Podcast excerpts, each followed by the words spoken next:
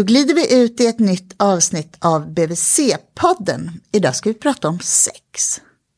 Vad händer med sexlivet när vi får barn egentligen? Jag heter Malin Bergström, jag är barnhälsovårdspsykolog och idag träffar jag Ingela Pontvik Löventhal.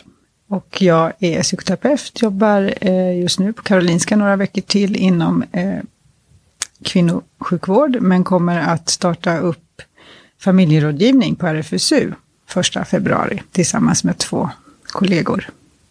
Och hur kommer det sig att RFSU, som, när man tänker RFSU så tänker man ju sex. Hur kommer det sig att de startar familjerådgivning, Ingela? Eller ni? Ja, alltså jag tror att det är ganska naturlig utveckling, att det har funnits den tanken ganska länge. Det finns ju en klinik lokalt i Stockholm, vid Medis. Eh, RFSU är ju mycket, det är en stor organisation, men eh, en del av den organisationen är i Stockholm då en eh, klinik som jobbar gentemot landstinget med sexuella problem.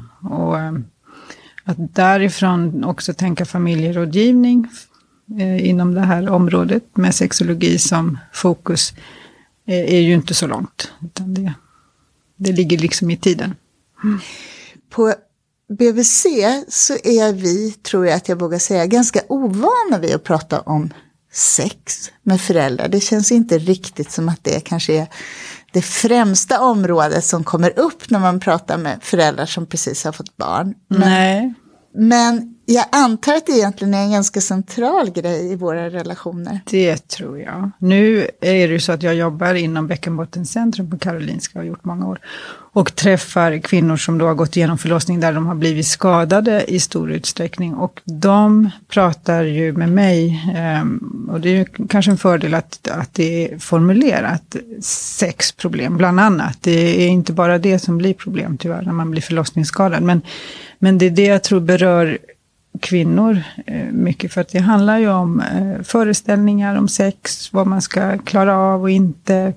Det finns mycket sådana prestationstankar, eh, tror jag idag, vad man ska leva upp till. Och eftersom det fortfarande är mycket tabu inom området sexualitet och så, så, så pratar man ju inte heller riktigt öppet med sina vänner eller väninnor och, och, och, ibland inte ens med sin partner tyvärr. Så att jag tänker att bara få frågan på ett samtal eh, generellt verkar jätteviktigt och bra.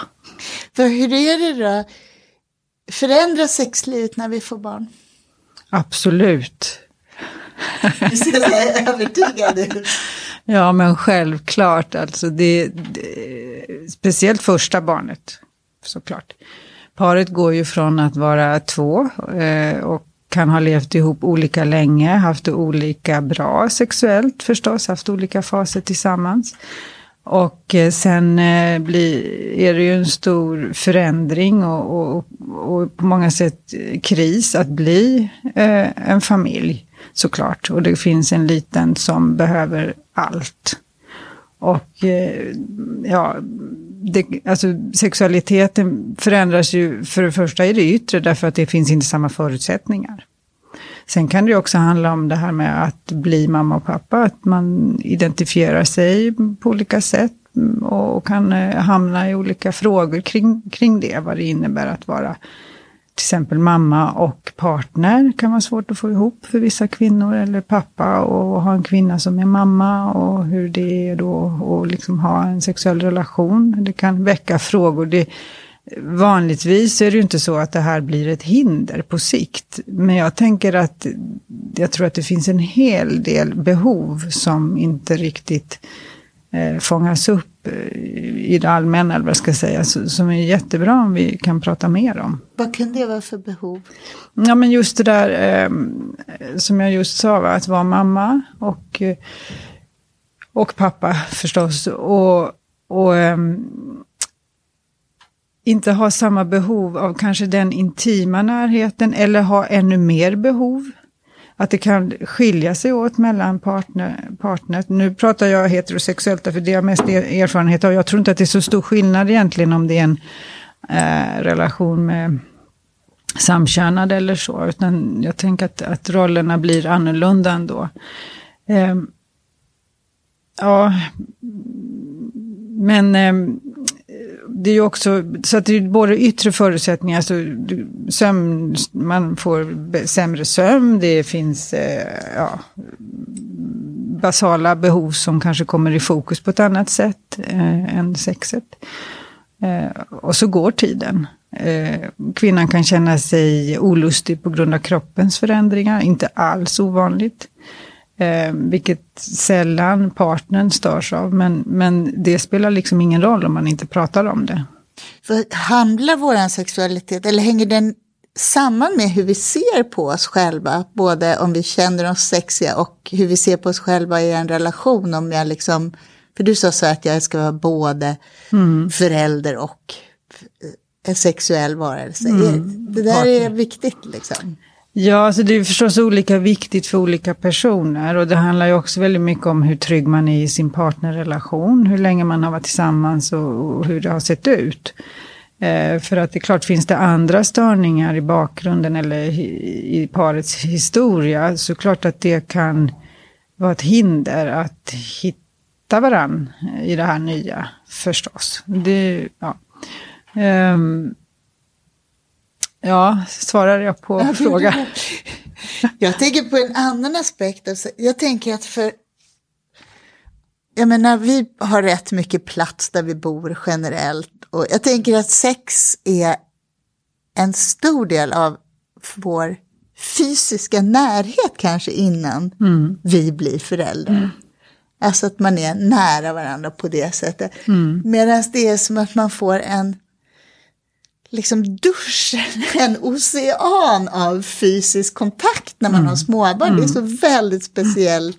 Det är stor övergång mm. där. Mm. Som jag tänker också måste spela in i det här. Det tror jag du har helt rätt i. Alltså, om mamman ammar sitt barn så är det ju en väldigt speciell och, och, och sinnlig situation som, som uppstår. Och ett litet spädbarn har ju ofta stor, stort behov av att vara nära på det sättet. Eh, inte bara för att bli mätt utan också för att få närhet. Och, och det kan ju, alltså inte bara amningen utan överhuvudtaget den här fysiska närheten är ju jätteviktig från båda föräldrarna första tiden och även andra vuxna. Men jag tänker att jag tycker att jag har hört då eh, partners där den ene då ammar bebisen och sen eh, är den andra mer frustrerad för att den är mer utanför och sugen på sex. Och det är då inte den ammande alls. Därför att när barnet väl sover så vill ofta den kvinnan vara i fred eller sova. Eller duscha i lugn och ro. Eller så. Sex kommer liksom längre ner på listan. Och det där kan ju bli slitsamt för att det kan ju uppfattas som av, att man blir avvisad som, som den andra då. Fast det egentligen inte handlar om det utan det handlar mer om att, att precis det du sa, va? att den där det är en sån stor förändring att vara så nära, så tätt inpå och, och göra sig tillgänglig för en liten bebis på det sättet. Så att, så att det ja, det kan göra att lusten liksom ändrar sig en period. Mm. Och, och, där är det liksom viktigt med kommunikation förstås. Att, att, att vara, våga vara öppen, att våga prata om de olika behoven och att kunna på något sätt mötas i det och, och förstå varandra och, och, hitta ut. Och det är ju inte alla som riktigt gör det för att det, det finns ju mycket tabu.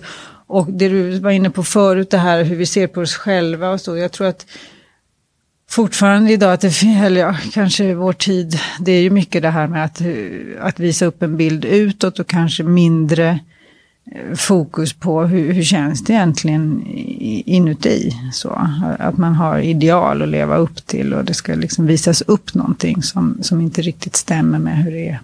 Och i sexualiteten går ju inte det ihop därför att du kommer inte undan i det sexuella mötet är det ju ändå så att du är liksom naken, både fysiskt och psykiskt på ett sätt som du inte är i någon annan situation. Det är en unik möte på så vis. Och där tror jag ja, att det kan vara viktigt. Då. För du säger att det är svårt att prata om sex, att det kanske inte är det första man tänker på när man precis har fått barn. Alltså, klart att man pratar mycket om barnet och föräldraskapet.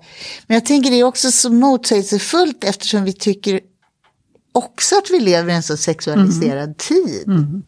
Ja, barnet är ju ett resultat av sexet.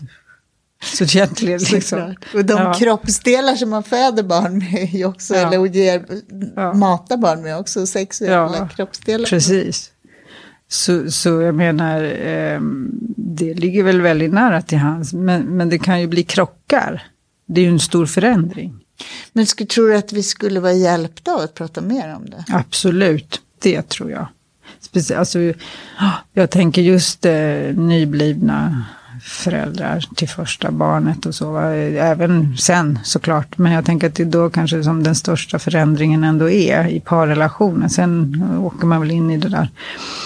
Eh, det kan ju bli störningar av andra skäl senare också. Men, men att ändå våga ställa frågan. För det tror jag också gör att, att då visar man ju från vården att man är beredd att lyssna på det här. Och att det här är någonting att ta upp. Och det är ju överhuvudtaget sexuella problem i vården är ju eh, Alltså det är ju en brist att, att inte personal har kanske utbildning alltid eller vågar eller känner sig trygga eller får med sig från, från start att man ställer de frågorna. Men eh, Hur mycket behöver man kunna då för att prata med föräldrar om det?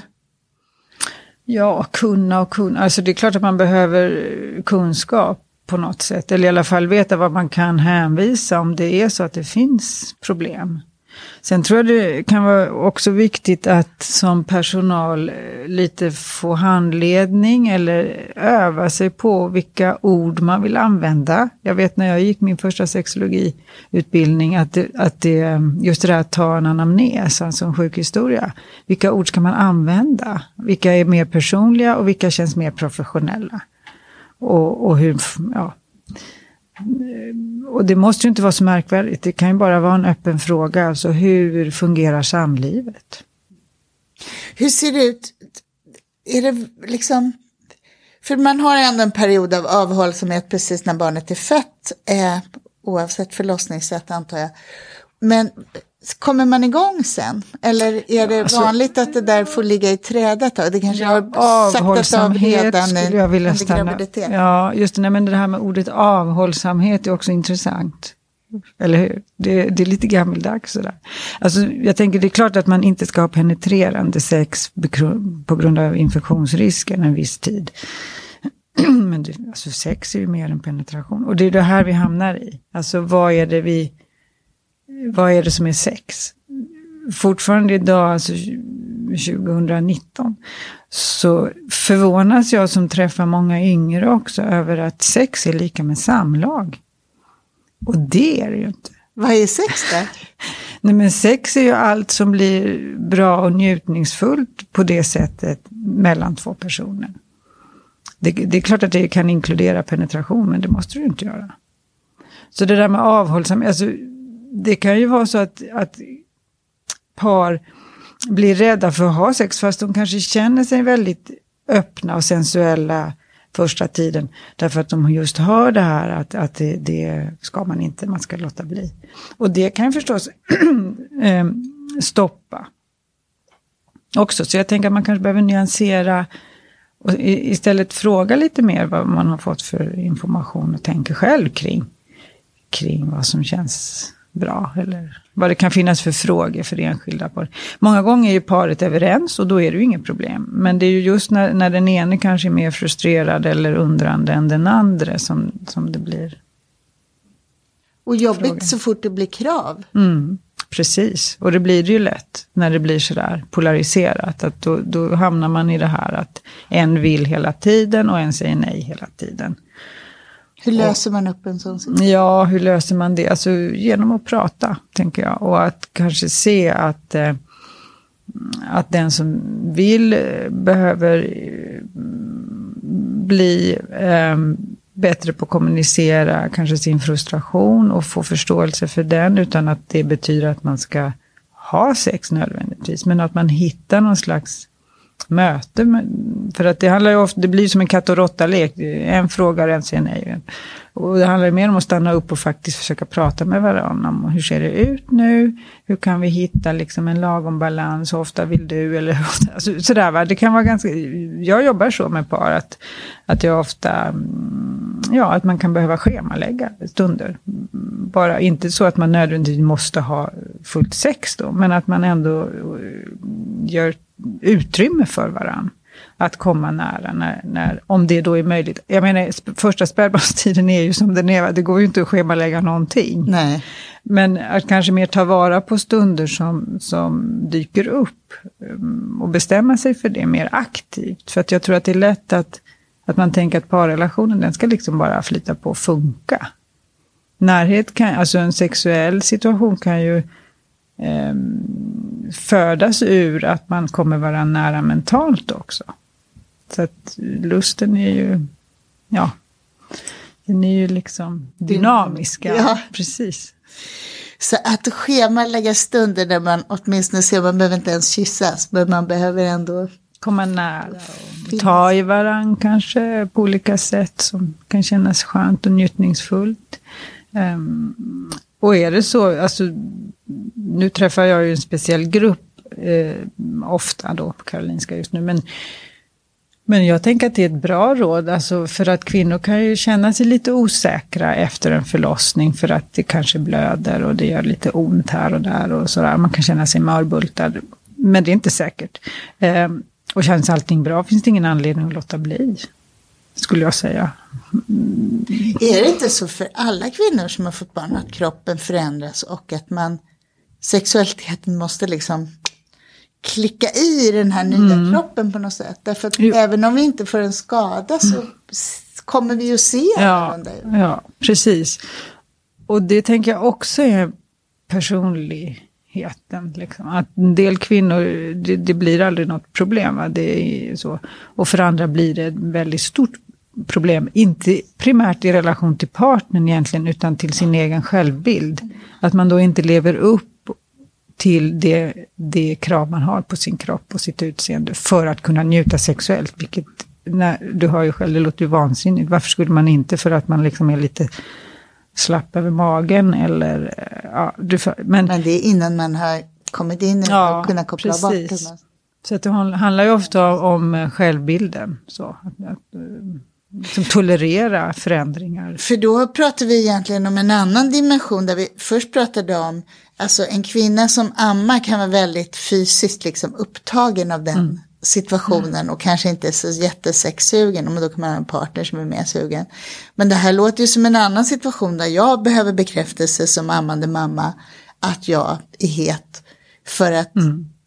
stärka absolut, mig i någonting absolut. som jag går igenom. Mm. Som är... Så kan det ju vara, absolut. Och jag har varit med om situationer där det är tvärtom, att kvinnan eh, känner sig väldigt liksom, öppen öppen på alla sätt efter en förlossning och sugen på sex med sin partner.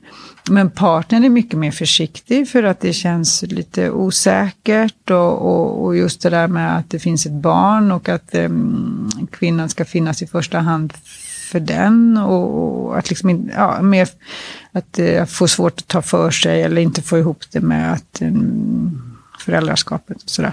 Så att det måste inte vara, det, alltså vi har ju också våra föreställningar om, om hur det är. Så mm. jag tänker att fråga, kommunicera, ställa, våga öppna upp. Och...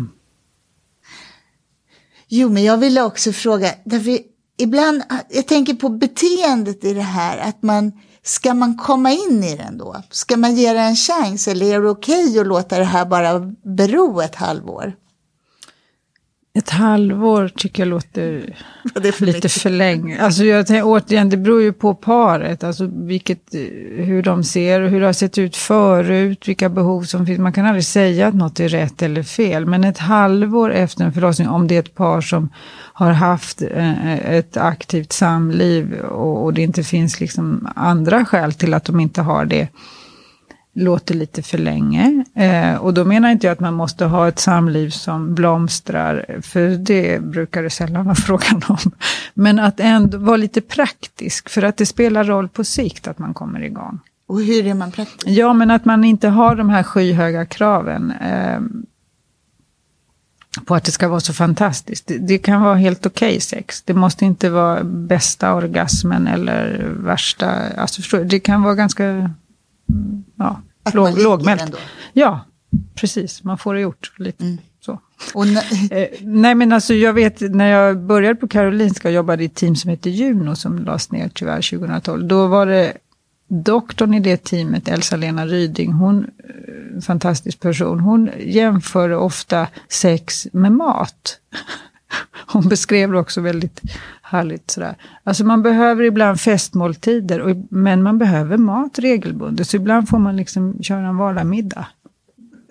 Och det är helt okej. Okay. Man blir i alla fall mätt. Och man kanske behöver lite vardagsmiddagar innan den här festen. Ja, precis. Då kan man, eh, just det, man kan anstränga sig emellanåt när det är läge. Men, men eh, däremellan är det helt okej okay med kvällsmat. Mm. Så det, det låter också sådär som att, att, att ha sex föder också möjligheten till att ha bra sex så småningom. Mm. Men då måste jag också vara lite vaken på vad jag vill och vad ja. som passar mig. Ja, absolut. Och, och, och, och, när det hakar upp sig så är det ju inte sällan att det kanske också har funnits en del eh, problematik innan. Det måste inte vara så, men det, det kan också vara så att saker förstärks i och med att, att det är en ny situation och det blir svårare att lösa. För att, och par som då har haft det relativt bra och så, varit eh, nöjda, de har också en annan bas att, att hitta igen. Så, att, så är det ju. Du sa förut att det går i faser, sexualiteten inom, i en relation. Mm. Är det så? Ja, så är det ju. Det är många par som beskriver förälskelsen är ju given, va? då är det ju ofta båda väldigt eh, sugna och, och har det ofta bra sexuellt, eh, i alla fall efter att man har lärt känna varandra lite grann. Mm, men sen kan det ju vara så att om man lever länge ihop, det kan ju bero på, på andra krav, alltså yrkeskrav, studiekrav, att man är isär på grund av olika saker, längre perioder och, och ja, eh, sjukdom Ehm, som drabbar. Ehm, eller andra slitningar liksom, som påverkar sexualiteten, som inte måste vara ett sexuellt problem i sig. Men det jag ofta tänker hänger ihop, det är ju hur man har det sexuellt och hur, hur man kommunicerar. Att par kan ha det ganska illa sexuellt, men, men kan prata om det och då blir det inte samma djupa konsekvenser, alltså då reder man ut det. Men, men blir det mer tyst så kan även en mindre skavank bli stor med tiden. Jaha, så relationen kring hur bra vi kan prata och mötas liksom Generellt. så här med mm. varandra jämfört mm. och sen hur vi, hur vi har det när vi ligger med varandra. Det där är två mm. sådana ja, kommunicerande det, jag säga. Mm. mm. Och, och det brukar ju också hänga ihop med att har man en öppen och trygg relation och då kan man anta att, att det också har att göra med att, att att parterna har liksom en trygghet i sig själva som gör att sådana saker som närhet, eh, flyter på på ett annat sätt än om det finns problem. Men jag tänker också att sen kan det vara så att om man då får problem i och med en sån här ny situation som vi pratar om, så kan det också vara en möjlighet att ta tag i det som gör att relationen fördjupas i samband med föräldraskap och så. Så det är ju inte så att bara för att man har haft problem eller har problem så är det kört, utan det är ju också en möjlighet att... Precis, och det är därför det är så viktigt att få frågan, tänker jag, att det inte går för lång tid. Eller, Mm. Vad tänker du då spontant, om vi på BVC skulle liksom vara mer öppna för eller till och med ställa frågor kring sexualitet. Tror du att vi skulle hamna väldigt snett och långt från barnet? För vi är ju alltid så noga med vårt barnfokus. Mm. Det tror jag inte. Jag tänker att barn mår bra av att ha föräldrar som har det bra tillsammans. Och som också har ett samliv, såklart. Det mår ju barn bra av. Så det är ju en investering också på det sättet. Alltså, det låter inte för mig, men jag vet ju inte era ramar så, men det låter som det skulle liksom vara inom ramen för att tänka barns välbefinnande. Mm. Och avdramatisera mm. det? Ja, absolut. Avdramatisera och normalisera. Och För det finns fortfarande idag eh, också hos unga människor mycket tabun och, och, och, som jag sa innan också det här med att det finns krav på vad man ska klara av. Liksom. Som ofta blir mer hinder än att... Alltså att man tror inte att det, det som funkar är tillräckligt då, utan då ska det vara mer. Något ja. mer än att mm. jag bara njuter av det. Mm. Eller tycker att det är lite mm. småmysigt mm. som en vardagsmiddag. Mm. Du får fråga en väldigt konkret fråga. Kan man ligga med varandra när en bebis ligger i samma rum? Ja, det skulle jag vilja bolla över till dig. Alltså jag tänker, som jag, vi kan prata om vad du tycker om det. Men som jag tänker, en li, riktigt liten bebis eh, som sover tror jag inte far illa av det. Men ett barn som börjar bli lite större och som fattar så skulle jag ju inte säga att det är lämpligt. En två, treåring? Nej, absolut inte. Om den sover? Nej. Nej, det tycker inte jag. Vad tycker du? Nej, men jag tänker att det spelar stor roll om barnet sover eller inte. Att det mm. är obehagligt för ett barn som är med om det därför att det är en situation mm. som inte barn ska... Mm, som de inte förstår. Nej. Alltså barn förstår ju inte vuxensexualiteten, den är ju lite obegriplig. Så jag tror att det ska man avstå från. Och även om de sover, men jag tänker ändå att eh, man registrerar ändå rörelser och uttryck så. Så nu landar vi någonstans i, okej, okay, väldigt många föräldrar mm. har bebisarna i sängen mm. första tid, men då Precis. får man ligga på soffan. Mm, får man. Det tycker jag.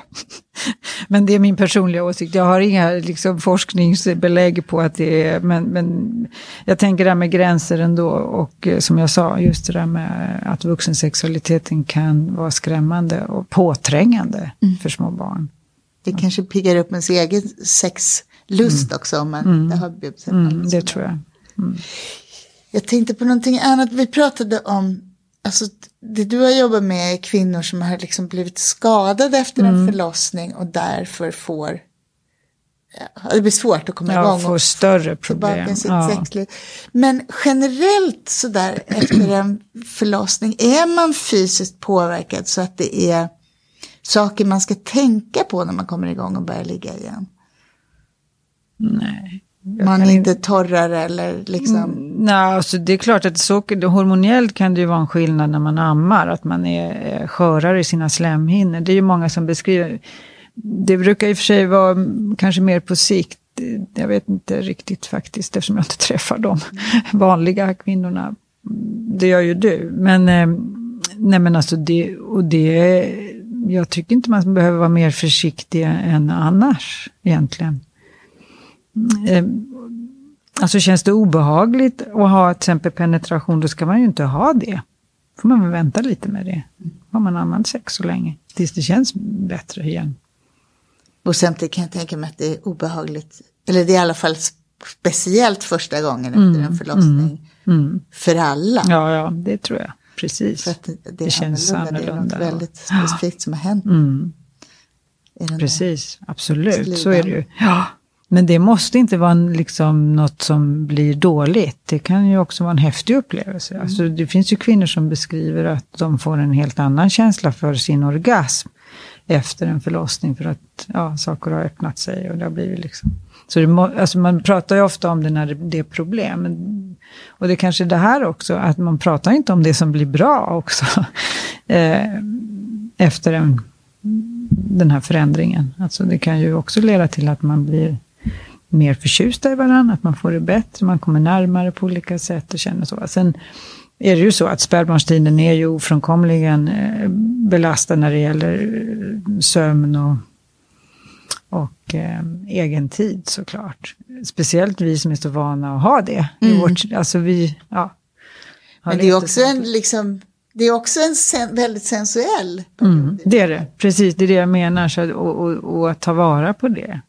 Och det du säger någonstans det är ju att man kanske alltid behöver upptäcka och undersöka sin sexualitet tillsammans då mm. när man har blivit förälder mm. för att på något sätt kommer den vara annorlunda men mm. det är inte säkert att det inte är. Nej, och då tänker jag just det här med avhållsamhet, då låter det som att man ska stänga till där och, och, och det tycker jag inte att man ska göra.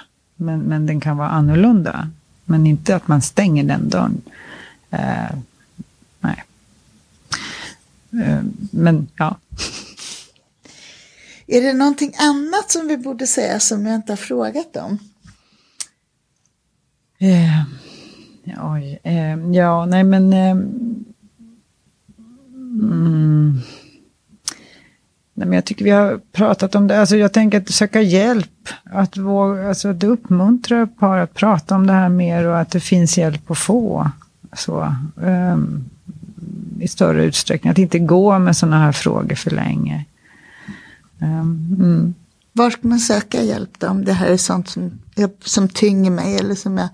Ja men dels tänker jag att BVC om ni kunde fånga upp och också kanske ha vad ska man säga, ändå förmåga till att ta hand om det mer basala. Sen om det är mer, vad ska man säga, djupare problem så, så ja, det, då kan man ju behöva ja, RFSU är ju ett ställe som jobbar med sexuella problem. Karolinska bäckenbottencentrum har ju också eh, eh, vad heter det, personal som har sexologisk kompetens.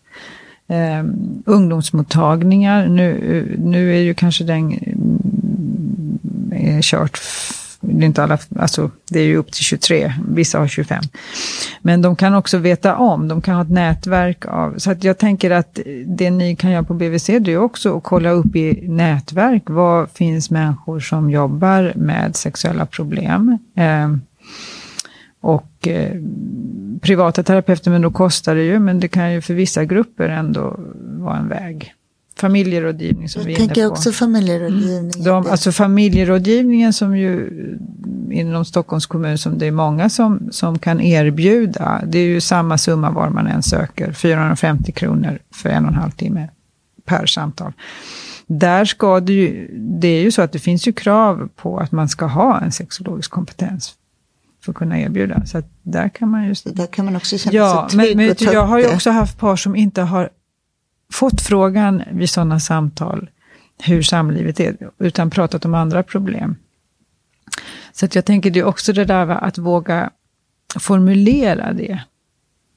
Att våga säga att vi behöver prata om vårt samliv också. Uppmuntra det om det är det som är. Det låter, när du pratar så låter det som att sex är så viktigt för oss människor och att det är en,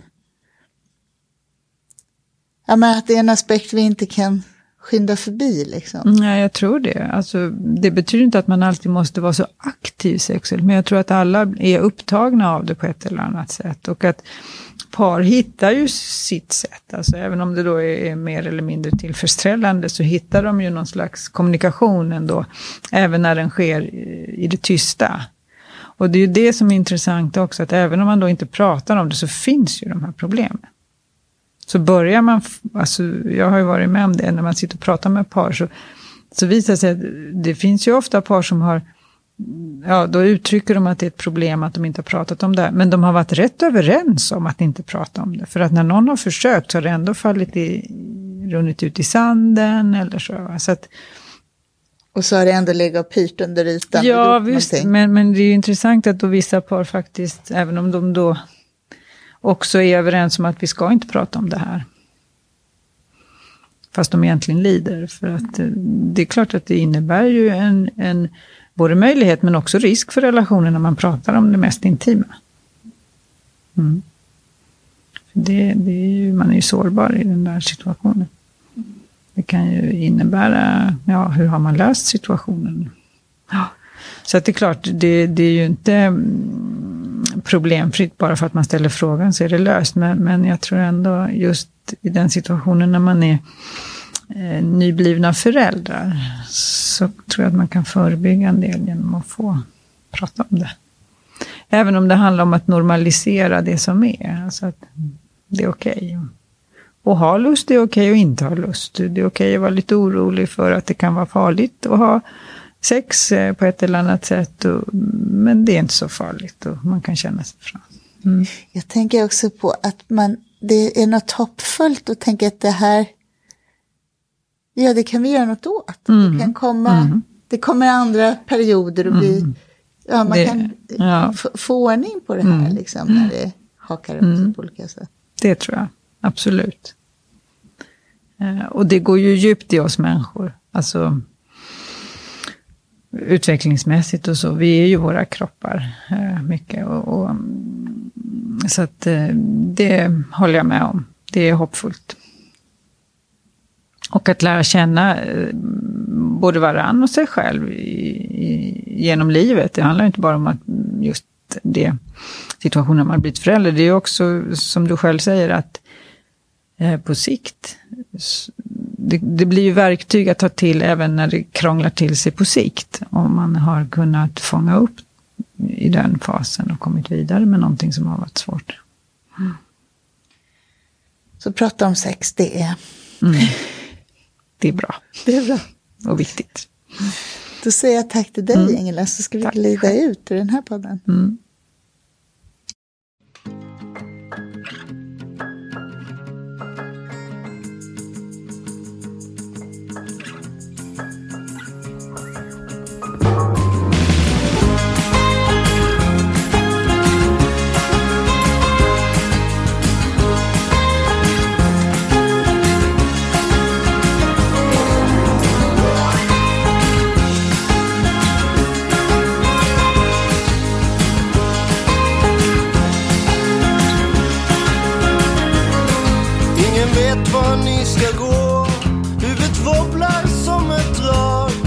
men aldrig över ytan så. Ett på djupet neverending slag när era radiostyrda röster ömsint kittlar min fantasi. Flipper spelar sönder impulserna för mitt självbedrägeri. När ni skjuter ut er i natten finns det inget av mig kvar. Alla döda ögonskratten, bara vakten minns vem som var. När ni cementerar kvällen Är det utan min frenesi? Den insomnade eternellen Vaknar aldrig mer till liv.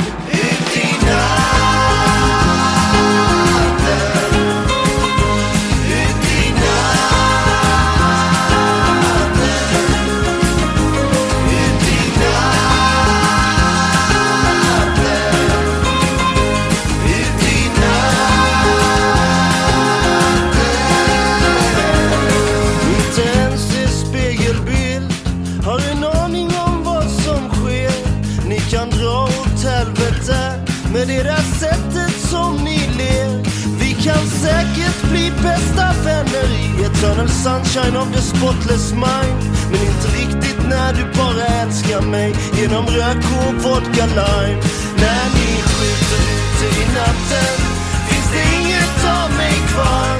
Alla döda ögonskratten Bara vakten minns vem som var. När ni cementerar kvällen Är det utan min frenesi. Den insomnade eternellen. Vaknar aldrig mer till liv.